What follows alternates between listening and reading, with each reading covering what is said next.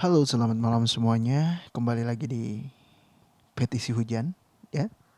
Di podcast Petisi Hujan pastinya bersama Ria di Antasa di sini. Ya, kita udah lama banget nggak bercengkrama, ngobrol santai atau ngobrol random ya di podcast ini. Dan pastinya teman-teman uh, semuanya kita udah ngelewatin sekitar hampir empat bulan kita di rumah aja dan akhirnya akan ada era baru buat teman-teman. Nah, menariknya kita akan coba menggali atau bercerita ya tentang fenomena-fenomena yang terjadi saat ini. Tapi sebelumnya uh, aku nggak akan ngehilangin uh, part of petisi hujannya sendiri. Jadi buat teman-teman yang baru dengerin juga uh, petisi hujan kemarin sempat di podcast pertama menjelaskan terkait kenapa sih ada petisi hujan gitu kan ya. Terus uh, yang kedua mungkin lebih panjang dan random gitu ya. Karena berbicara tentang pengalaman uh, hidup saya terutama dari segi passion ya waktu itu. Terus nah saat ini mungkin uh, kita akan ngebahas hal-hal yang menarik ya. Menariknya apa sih? Menariknya menurut gua uh, secara pribadi ya. Dan mungkin menarik juga menurut teman-teman gitu. Dan bahkan mungkin ada yang sudah terpikir, mungkin tidak terpikir juga gitu. Tapi kayaknya hmm, seru aja kalau dibahas gitu ya. Nah, uh, berbicara tentang uh, zaman di mana teman-teman millennials atau teman-teman yang generasi Z ya gitu berada di satu kondisi kita dihadapkan uh, dengan uh, ini benar-benar uh, masa yang berat banget gitu ya terutama bagi teman-teman yang uh, baru lulus lulusan kemarin aku ngelihat banget tuh di sosial medianya gitu ya. Mereka wisudaan tapi online gitu.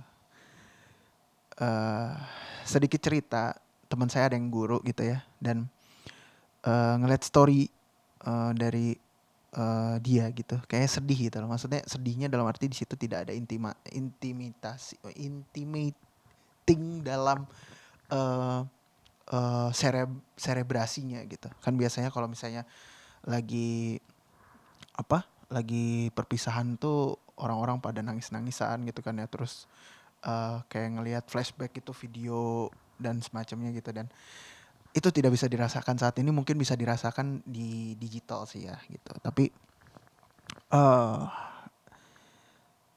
semua itu kita harus laluin, semua itu kita harus hadapi, ya kan? Nggak boleh kita aduh gimana ya kalau misalnya gini terus ya, ya who knows? Kita nggak tahu gitu kan ya. Bisa jadi uh, uh, virusnya ini ada vaksinnya mungkin ya atau mungkin uh, virus ini kita bisa kebal dengan virusnya ini karena semuanya kena mungkin gitu kan kita juga nggak tahu gitu. At least kita mencoba untuk uh, lebih positif thinking lagi. Dan yang paling penting sebenarnya mau dibahas ya intinya di hari ini kita membahas tentang how to change ya.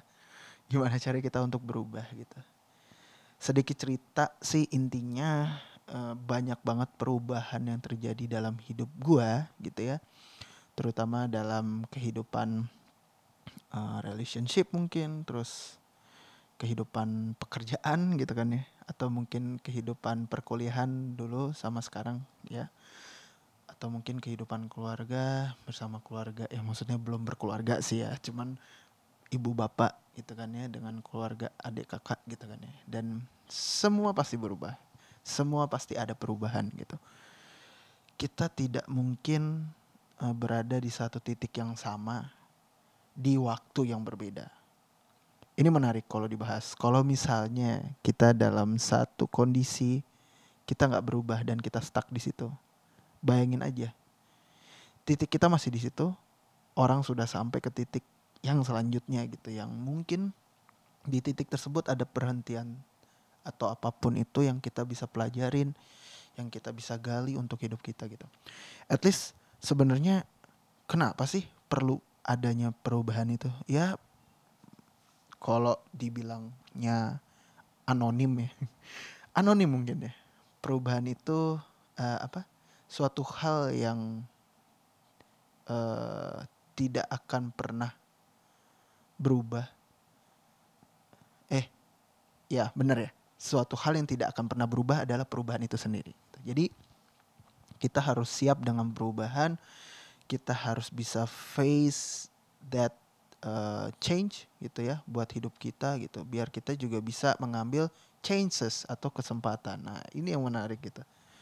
Jadi perubahan apa sih hubungannya sama kesempatan? Nah ini sempat gue bahas dulu di di uh, website gue gitu ya. Websitenya masih website yang abal-abal gitu ya tapi nggak apa-apa. Nanti teman-teman bisa buka organic sanctuary dot uh, uh, simplesite.com uh, ya di situ gue ngejelasin tentang arti perubahan dalam hidup gue ya. Jadi ini uh, sebenarnya kalau dari landasan teori memang tidak ada sama sekali. Mungkin ini hanya persepsi dari aku gitu uh, dari gue jadi mungkin uh, ya makanya mungkin gitu kan. Mungkin itu benar gitu menurut gue gitu. Jadi uh, kita mulai dari perubahan itu loh fase perubahan ini adalah fase yang paling susah untuk kita laluin gitu terutama ketika kita menghadapi yang namanya uh, uh, kondisi yang memang kita belum bisa hadapi. Gitu. Contoh misalnya teman-teman gitu kan ya uh, lagi seneng-seneng nih, wah lagi kerja atau apa gitu, tiba-tiba dapat calling gitu kan ya, nggak uh, bisa lanjut lagi nih uh, untuk bekerja di sini gitu. Wah, langsung kaget kan pastinya dan waduh bingung mau ngapain gitu kan ya. Anak istri, aduh, apalagi mikirin anak istri gitu kan ya, aduh, sulit deh pokoknya. Dan ketika kita berpikir itu pasti stuck gitu kan ya, akhirnya ada yang namanya blind spot. Jadi blind spot ini kita udah nggak bisa mikir lagi apa-apa, akhirnya hanya berdiam diri saja, akhirnya stres, ya kan. Ini yang sering banget terjadi ketika orang-orang itu tidak bisa menerima perubahan dalam tahap pertamanya dia gitu. Nah, uh, waktu itu waktu aku waktu gua lagi uh,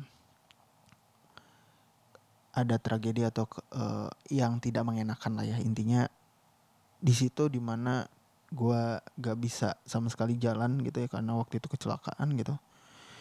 Ya harus bisa menikmati proses perubahan itu. Perubahan apa ya? Misalnya kayak pola aktivitasnya.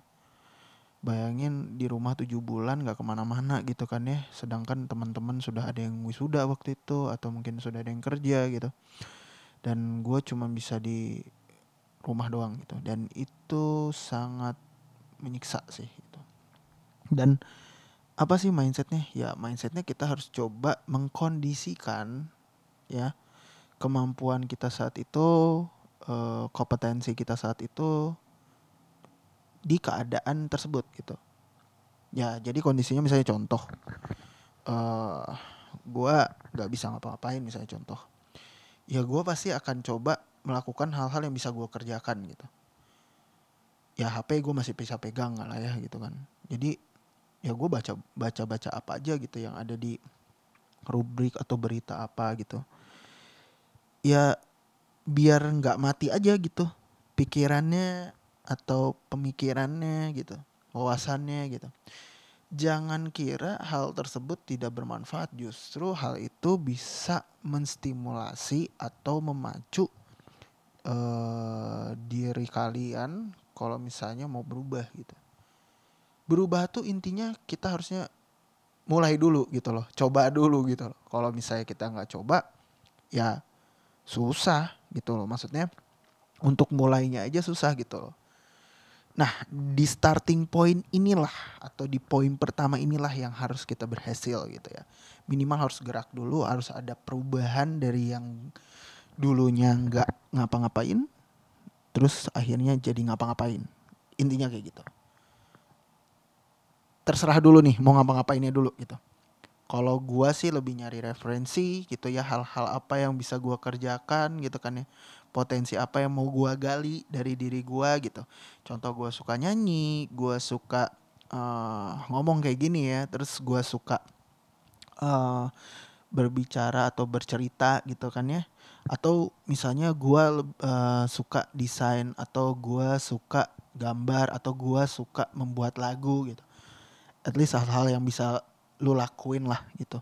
Yang mungkin menurut lu paling mudah dan paling support ke diri lu gitu. Nah setelah itu baru lu bikin yang namanya perencanaan. Jadi dari lu mencoba menyusun puzzle ya kan, puzzlenya itu masih berantakan kan. Nah sekarang lu coba susun puzzlenya biar lebih rapi gitu. Nah ketika menyusun puzzle itu lu harus tahu dulu nih prioritasnya apa. Nah, waduh berat nih prioritas apa ya. Gue juga kadang-kadang gue bikin planning aja kadang suka nggak nggak kesampaian gitu kan. Tapi uh, gue kemarin denger suatu uh, apa ya pernyataan dari orang di sosial media bahwa gue nggak akan bikin plan B C D gue akan bikin satu planning untuk hidup gue untuk konsisten ini sebenarnya benar ya. Karena apa? Yang harusnya dikulik, bahasanya dikulik. Yang harusnya dikulik adalah itu tadi starting pointnya dulu nih, dikulik dulu nih. Aduh, cari referensi, cari apa gitu kan ya. Akhirnya, oh ini nih yang bisa gue kerjain nih. Ini nih yang bisa gue konsisten gue kerjain. Nah itu. Nah setelah lu tahu apa yang lu bisa kerjain, konsisten lu kerjain, nah lu bikin prioritas atau bikin yang namanya schedule atau bahasanya kalau di gua itu adalah drum beat gitu ya. Drum beat itu kayak halnya lu bikin uh, activity activity yang bisa lu lakukan dalam waktu-waktu tertentu gitu. Dan itu simultan uh, sorry, bukan simultan. Sifatnya continuous. Jadi uh, berlanjut gitu.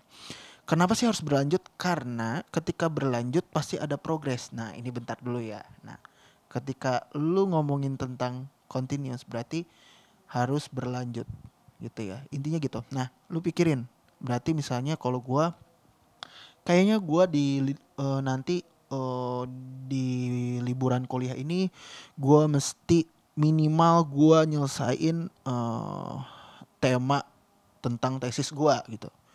Terus gua harus bisa buat uh, project atau uh, project konten di YouTube misalnya gitu. Yang yang seneng lu lakuin aja gitu. Nah, lu bikin, nah lu coba. Kalau gua biasanya gua beli kayak uh, papan tulis gitu ya. Nah, itu gua bagi-bagi jadi kayak kalender atau mungkin kalau misalnya uh, kalau gua kenapa gua lebih seneng nulis karena itu lebih terlihat jadi bisa kelihatan gitu. Atau mungkin kalau reminder bagi temen-temen yang lebih seneng remindernya lewat HP, bisa reminder lewat HP juga nih gitu. Jadi ya jadi secara nggak langsung lu isi dulu tuh lu harus tekunin dulu planningnya harus jelas dulu Kon uh, harapannya dari itu lu buat gitu kan yang lu susun rapi gitu kan ya jangan berpikir bahwa itu wasting your time jangan karena ketika lu bikin planning itu awal mula lu untuk bergerak jadi ibaratnya kalau lu bergerak tapi lu belum siap untuk gerak bahaya. Yang ada nanti lu malah nyasar gitu loh. Ya. Nah, oke. Okay. Jadi yang pertama tadi starting point lu susun uh, puzzle-nya agar jauh lebih rapi. Setelah sudah agak lebih rapi, ya baru dilihat penampangnya kayak gimana. Oh, ternyata gua harus bisa konsisten untuk melakukan ini. Nah, buat planningnya buat drum beatnya. Nah setelah bikin drum beat, nah baru nih dikreasikan drum beatnya. Misalnya contoh di hari ini, di bulan ini gue udah punya planning kayak gini nih. Ya, misalnya dalam satu minggu gue pengen ngeluarin konten dua kali gitu. Atau misalnya dalam satu minggu ini gue pengen uh, nyelesain berapa paragraf gitu buat tesis gue. Atau misalnya dalam satu minggu ini gue pengen uh, OKR gue atau pekerjaan objektif key result gue dalam pekerjaan dikerjain ini ini nih gitu kan. Nah dari situ lu udah bisa merencanakan tuh. Oh kalau misalnya nih di hari Selasa nih ya jadwalnya nggak terlalu padat nih. Gue coba sisipin gue mau belajar segitu. Nah dari situ lu ada enabler atau penambah untuk lu bisa improving atau menambah supporting dari apa yang lu kerjakan. Nggak mungkin kan kalau misalnya lu ngerjain misalnya lu bikin konten lu bikin konten aja terus gitu kan. Ternyata pas lagi lu lihat konten orang wah kok suaranya bagus ya suara micnya bagus ya pakai apa ya? Nah di situ lu ulik kan? Nah lu butuh waktu tuh buat belajar itu. Jangan sangka belajar atau baca atau bahkan cuma nonton YouTube aja itu membutuhkan waktu. Jadi itu juga harus bisa dicoba gitu. Nah baru nanti setelah itu jalan tuh ya. Udah jalan udah jalan. Nah setelah sudah jalan kurun waktu dua minggu nah lu coba. Nah, yang keempatnya adalah evaluasi uh, tahap pertama lah atau bahasanya kalau gua kalau nggak berat-berat ya maksudnya kayak coba flashback lagi. Apa nih yang udah dilakuin dua minggu ini? Apa sih pencapaiannya achievementnya udah udah nyampe mana nih gitu? Misalnya gua gua mau lari nih gitu kan. Achievement gua udah sampai mana nih? Lari udah sampai berapa kilometer nih gitu.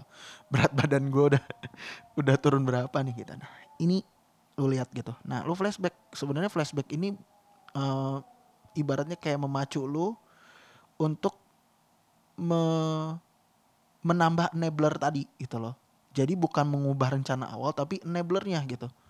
Nah, jadi secara nggak langsung rencana kita tetap sama kayak awal, cuman kita coba hal hal-hal lain yang memang uh, di waktu-waktu yang senggang agar kita bisa mencapai rencana itu gitu ya. Rencana uh, bisa mencapai rencana itu jauh lebih baik lagi gitu. Nah, setelah udah jalanin lagi sampai di akhir bulan baru deh flashback lagi. Seperti itu aja terus gitu kan. Nah, flashback. Nah, kalau di satu bulan ya berarti ketika flashback kita harus coba buat lagi planning di bulan berikutnya gitu. Nah, mungkin hal itu hmm, empat poin tadi ya, eh, empat empat poin tadi ya. Yang pertama kita coba cari dulu, ulik dulu gitu kan. Apa sih uh, hal yang kita suka, apa yang mau kita gali di potensi diri kita gitu ketika teman-teman yang uh, ketika teman-teman bingung gitu ya gitu. Nah, yang kedua ketika ada perubahan ini sendiri ya. Jadi secara nggak langsung uh, yang pertama tadi gitu. Yang kedua bikin planning yang jelas gitu kan ya. Setelah bikin planning, coba lihat uh, ada waktu-waktu kapan yang bisa ditambahkan waktunya untuk improve gitu ya, improve uh, knowledge atau improve uh, kapasitas kamu gitu, kemampuan uh, kemampuan uh, sorry bukan kemampuan, lebih ke uh, wawasan kamu gitu. Nah setelah itu baru ada evaluasi tahap awal di dua minggu awal gitu, baru nanti di akhir bulan coba lagi dievaluasi plus bikin planning untuk berikutnya. Nah cara ini mungkin bisa uh, memberikan sedikit pencerahan buat teman-teman yang menghadapi perubahan saat ini. Dan mudah-mudahan buat teman-teman yang uh, sekolah ya masih bisa mengatur waktunya dengan baik ya. Terus untuk teman-teman yang masih kerja semangat kerjanya uh, gunakan waktu kerjanya dengan baik karena uh, sangat sulit ya kalau misalnya teman-teman tidak mempertahankan pekerjaan teman-teman uh, itu adalah salah satu pegangannya teman-teman nih gitu. Nah bagi teman-teman nih yang memang nggak ada kerjaan di rumah atau apa, coba deh starting pointnya coba dimulai dari awal lagi gitu ya. Oke dari gue cukup sekian untuk petisi hujan yang ketiga ini ya uh, terkait dengan uh,